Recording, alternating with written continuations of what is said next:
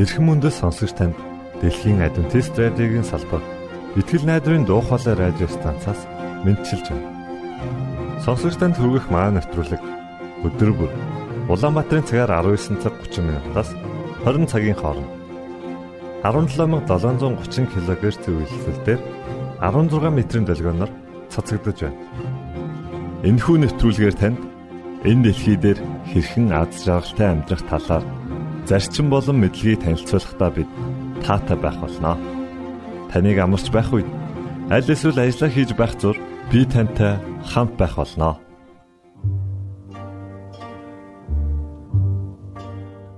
Өнөөдрийн дугаараар та бидний эрүүл мэнд юу бодож байгаатай маань холбоо хамааралтай юу гэдгийг олж мэдэх болно. Харин уран зохиолын цагаар Арчи хүүгийн багын мөрөөдөл түүний гэр бүлийн хүмүүс хэн байсан мөн түүний амьдралын талаар хамтдаа сонсох болно. За ингээд танд нэвтрүүлгүүдэд хүргэж байна.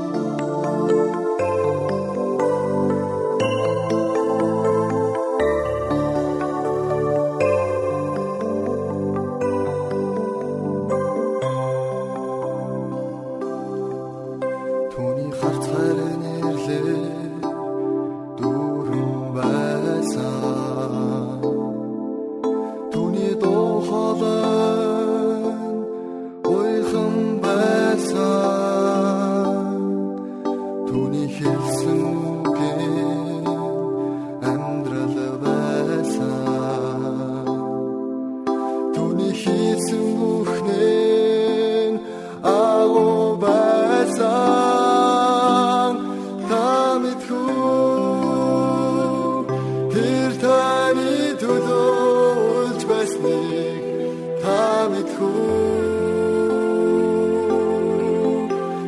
та мэдгүй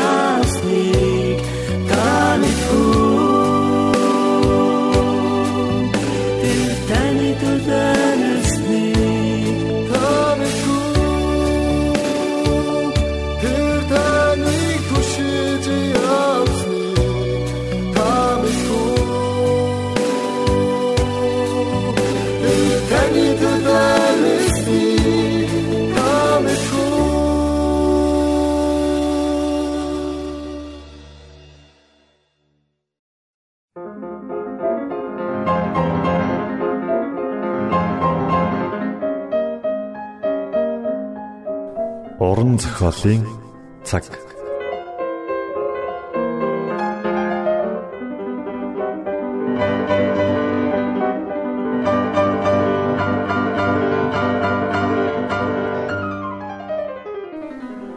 Уран зохиолын цаг нэвтрүүлгийн шин дугаараар уулзж байгаадаа баяртай.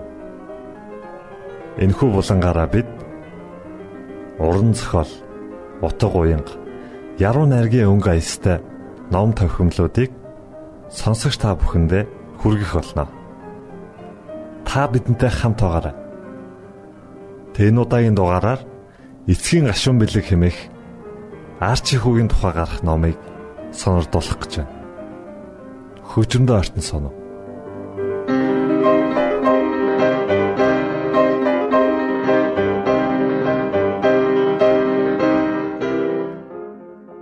гэртээ иргэн ирэв хэмээх 3 дугаар бүлэг.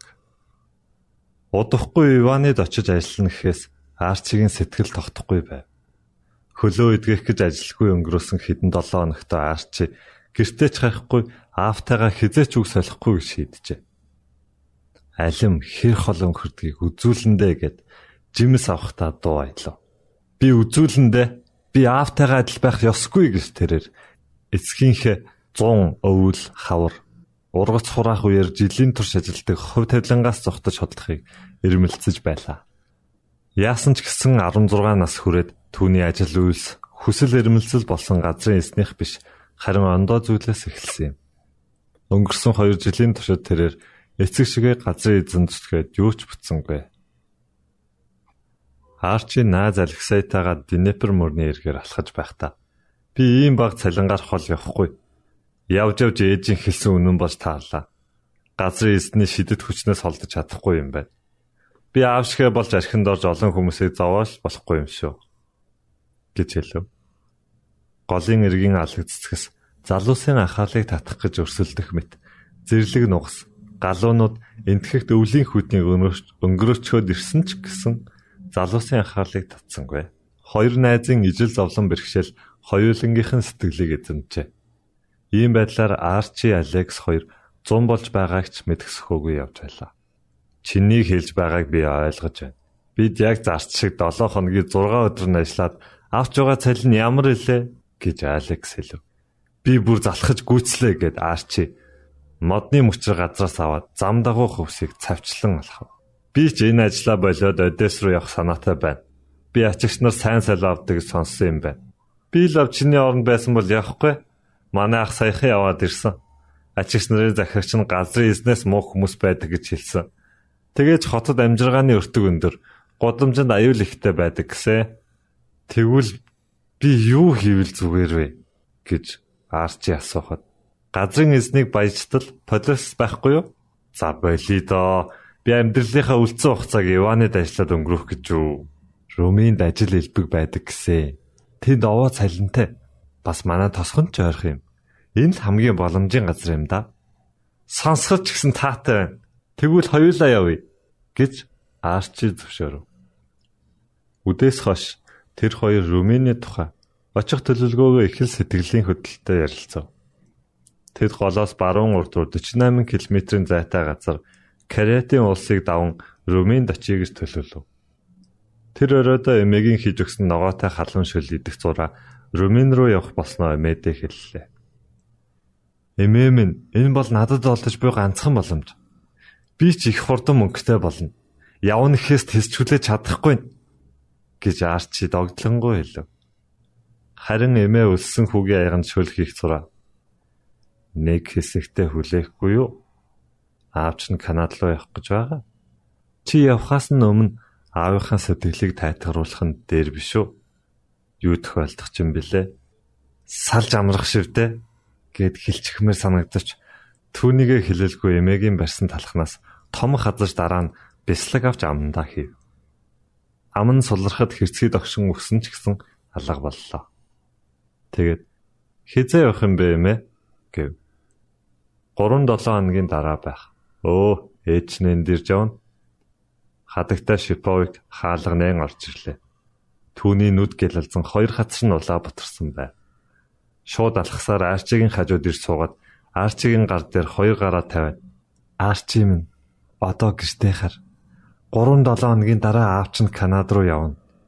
Яг өнөөдөр тасалбараа авсан.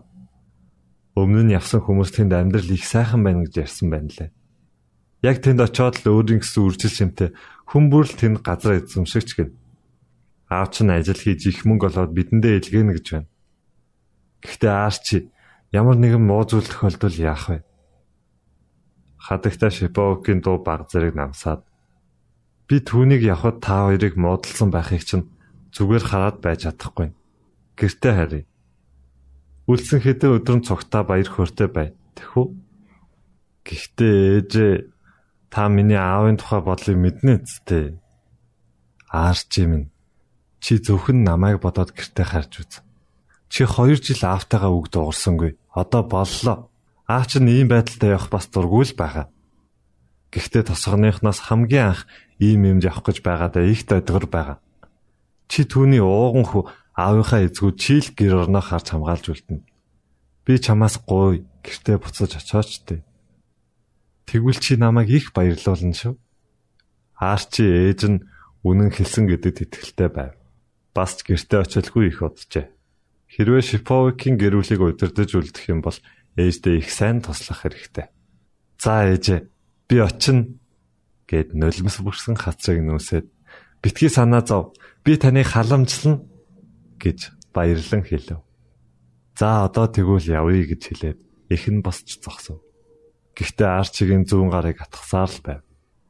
Одоо очи очиж байцааны ороомоо гэд би бас зөвхөн чам зориулж үзэмтэй бов хийсэн. Арчи эмээгийнхээсээ гараад хэсэг айлын хашаа өнгөрөө гэрээ маш амархан олов. Тэрээр тийм амархан олно гэж бодоагүй байжээ. Гэрээс гарч буй анхлын үнэр сайхан санагдлаа. Арчи шинхэн элцэн арсны үнрийг бараг мартах шахжээ.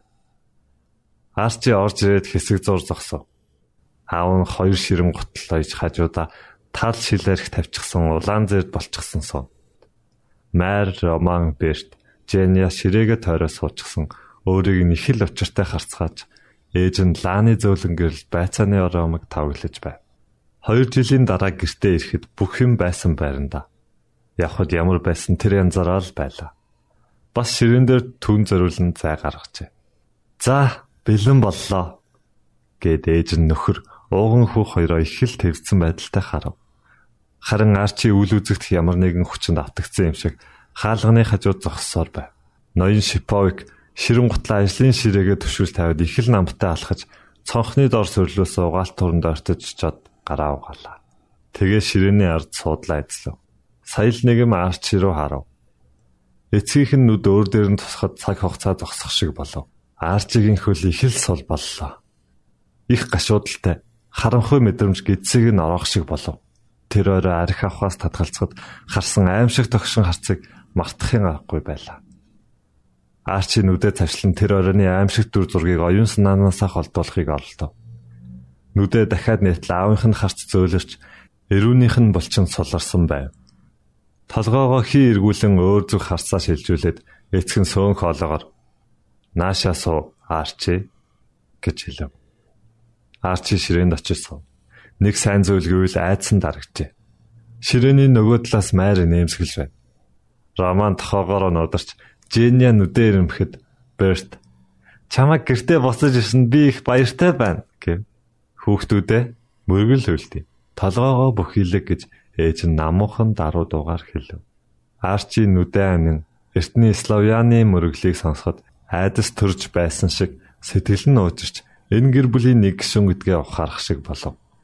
Гэртээ эргэж ирсэн түн сайхан санагдлаа. Мөргөл үлдэж дуусны дараа бүгд яриад дэлгв. Канад хэр зэрэг хол юм бэ? Та яаж тэнд очих вэ? Зул сарын баяраар буцаж ирэх үү? Бид бас явж болох уу? Хүүхдүүдээ чимээгүй гэж Шиповик хадагта хүүхдүүдэд чимээгүй болгоод аавч нь өнөөдөр их ажил хийсэн. Хоолыг нь тухтаа идвэл гэж хэлв. За ээжээ гэд таван хүүхдийн нүд өөр өөрсдийн тавгандах байцааны оромгийг ширтцгээв. Гэхдээ хэн сэргээ барьж авсангүй. Тэдний толгойд үе түмэн асуулт эргэлдэж байхад яаж ч хоолоо идэж чадах вэ? Тэгж байж майр арайхиж махар дүүргсэн байцааг ганц хазав. Майрын дараагаар роман дуурайж хадж эхэллээ. Харин Арчигийн шилбийг нэг нь аажуухан түлхэх шиг болов. Тэгтэл майр өөдөөс нь хөмсгөө зангидан харав. Тэгээд ээжээ таач энэ дэлхийн хамгийн сайн тоогооч юм да. Эмээч сайхан хоол хийдгэлдэ гэхдээ таних илүү амттай юм аа гэж Арчи хэлв. Бэрт гартаа зүсэн талах бариад Арчид хандан. Би яг таних шиг хачиртай талах хийж идмээр байна гэж хэлэхэд за за би чамд хийж өгье. Арчи гэрээ орхиод явсан оройг энэ оройтой зөрсөхгүй байв. Тэр орой явхад байсан гэрийн байдал яг л хэвээрээ. Тавилга тавгнууд ширээний бүтээлэг бүгд хэвээрээ. Ямар ч өөрчлөлтгүй. Бас гэр бүлийн гишүүд бүгдээрээ суудаг судал дээр. Харин нэгэн зайлшгүй өөрчлөлт гарчээ. Энэ нь яхаа аргагүй Женягийн хөлн нуртасч шалан дээр хөрөхөөс авчулдаг байсан бол одоо шалан дээр хүрдэг болжээ. Бертийн нялх хүүхдийн болброо царай арилж харин биеийн сунж яг л жижигхэн романы дүр төрх харагдав. Роман арчитэй бараг чацуу болжээ. Майр улам тойрнож бие авч явах чадaltaй болж ээж баг зэрэг таргалжээ. Арчигийн дуу 2 жилийн өмнө чанга дуутай байсан бол одоо суларч аав шигээ ууртай болжээ. Домка Шиповыг сэрэг унгаач. Тэгээд Арчиг үл итгэсэн байдалтай нулимстай нүдээр ажиглан харав. Тэгээд аав чинь Канад явсан хойгор хэн энэ гэр орныг харж асрах юм бэ? Чи энэ гэр бүлийн ууган хөхөт аавынхаа эзгүй чамайг энэ бүх хариуцлагыг үүрнэ гэж би бодож байсан юм гэхэд тийм ээ би мэдэж байна гэж Арчи хариулахад шин хариуцлагатай үүрэгтэй болсныг дуулсандаа түүний нүур халаа өргөв. Румын канаачиг хол биш. Румыны хил рүү нэг л өдөр алхаад очихно. Чи яагаад явах ёстой юм гэж Шипог хадагтай асуув. Би Иванед ажиллаад гэр орноо авч явах мөнгө олж чадахгүй. Энд ийм байдалтай өөдлөхгүй. Румын сайхан улс гэж би сонссон. Румыны траштад ажилчин хэрэгтэй. Тэгэж овоо цалинтай гэж хэлсэн гэж Арчи хариулав. Чи толгойдоо зөвхөн малгай өмсөхөд биш ондоо зүйл зориул байгаа чинь баярлаж байна гэж Самуэль Чапог хэлээд амаа гараараа чинь тавгаа цааш нь түлхээд эзэн хаан аж ахуй эрхэлж бүх хүмүүс тус болно гэж амласан. Харин өөрчлөгсөн зүйлс бараг алга. Залуучуудын ярьж байгаа зүйлч ортой юм шүү. Тариачин хүнд энэ сайхан амьдрах боломж байхгүй. Тийм болоод та Канад руу явж байгаа юм уу? гэж Роман асуув. Ургалдаа ирэх чөлөөтэй үедээ сайхан дуулдаг юм да гэж аав үргэлж хэлдэг байв. Би газрын эзнээс салах гэж их л удаан хугацаагаар хүлээлээ. Хүлээснээр би залуучихгүй. Тэгээд би Канад руу явах боломж гарангуут л ашиглахаар шийдсэн юм. Тэн тэгээд ямар шүү юм бэ гэж Арчи их сонирхон асуув. Энэ гайхамшигт адал явдлаар дүүрсэн далай тэнгисээр тусгаарлагдсан олон улсын цаана орших магадгүй хизээ нэгэн цагт очих тэр орны тухай илүү их мэдмээр санагдав.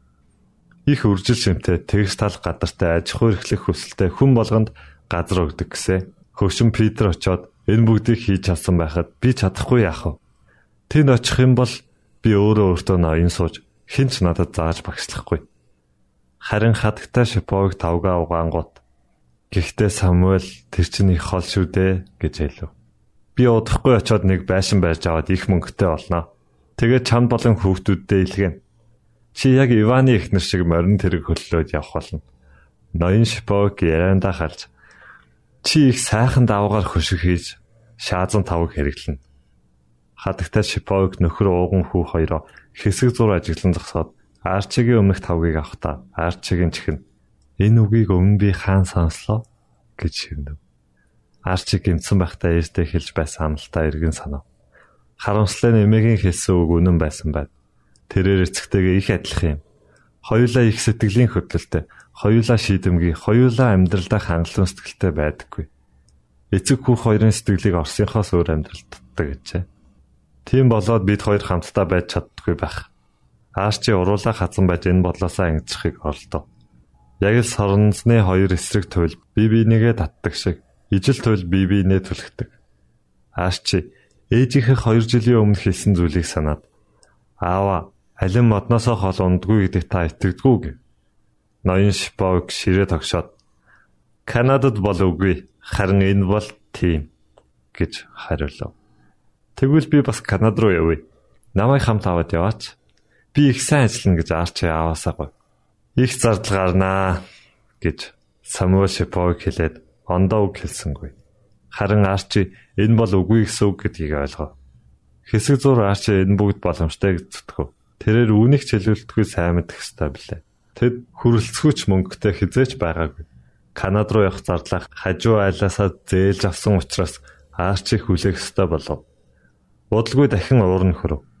Хэрв аав нь архин тэгтлээ мөг зардгүй байсан бол хамт явах боломжтой байх байсан гэж бодлоо.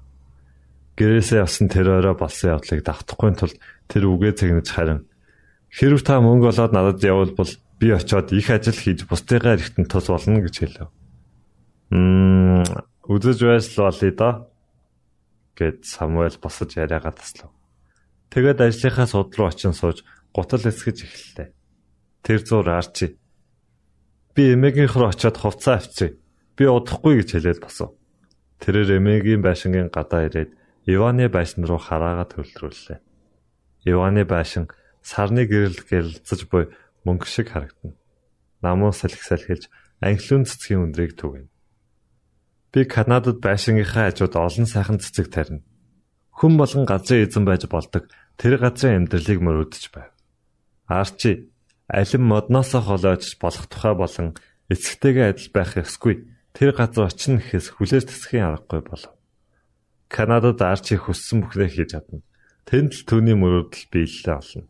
Канада энд би байна гэд Арчи гараа тэнгэр өөд сар байгаад саран дээрх залууд өөрийнхөө амлалтыг өгөв та уран зохиолын цаг навтруулгийг бүлээн авч сонслоо.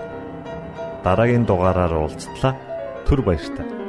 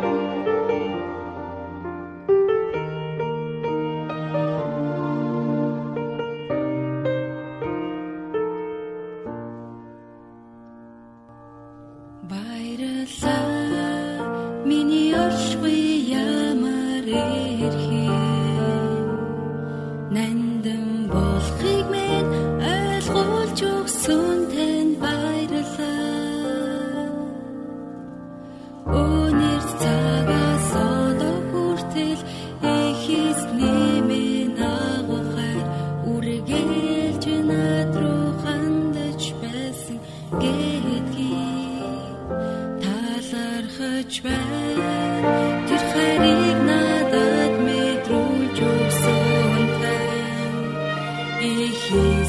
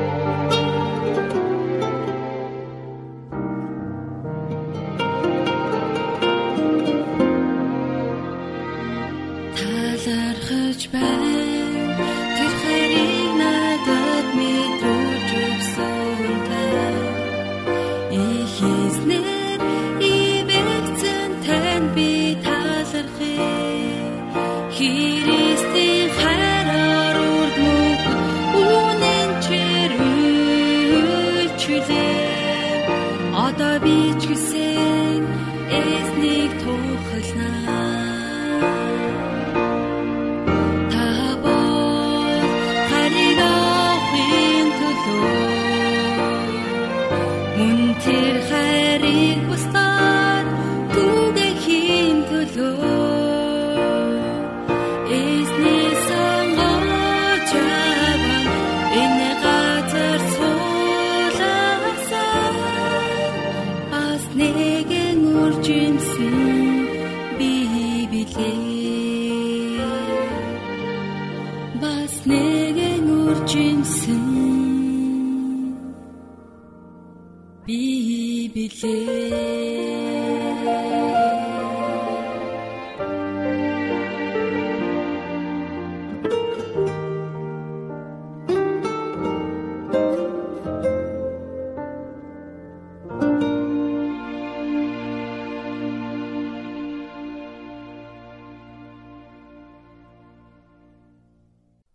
Итгэл найдрын дуу хоолой радио станцаас бэлтгэн хөрөгдөг нэвтрүүлгээ танд хүргэлээ. Хэрв та энэ өдрийн нэвтрүүлгийг сонсож амжаагүй аль эсвэл дахин сонсохыг хүсвэл бидэнтэй дараах хаягаар холбогдорой. Facebook хаяг: Satiin үсгээр Монгол заавад AWR Имэйл хаяг: mongol.awr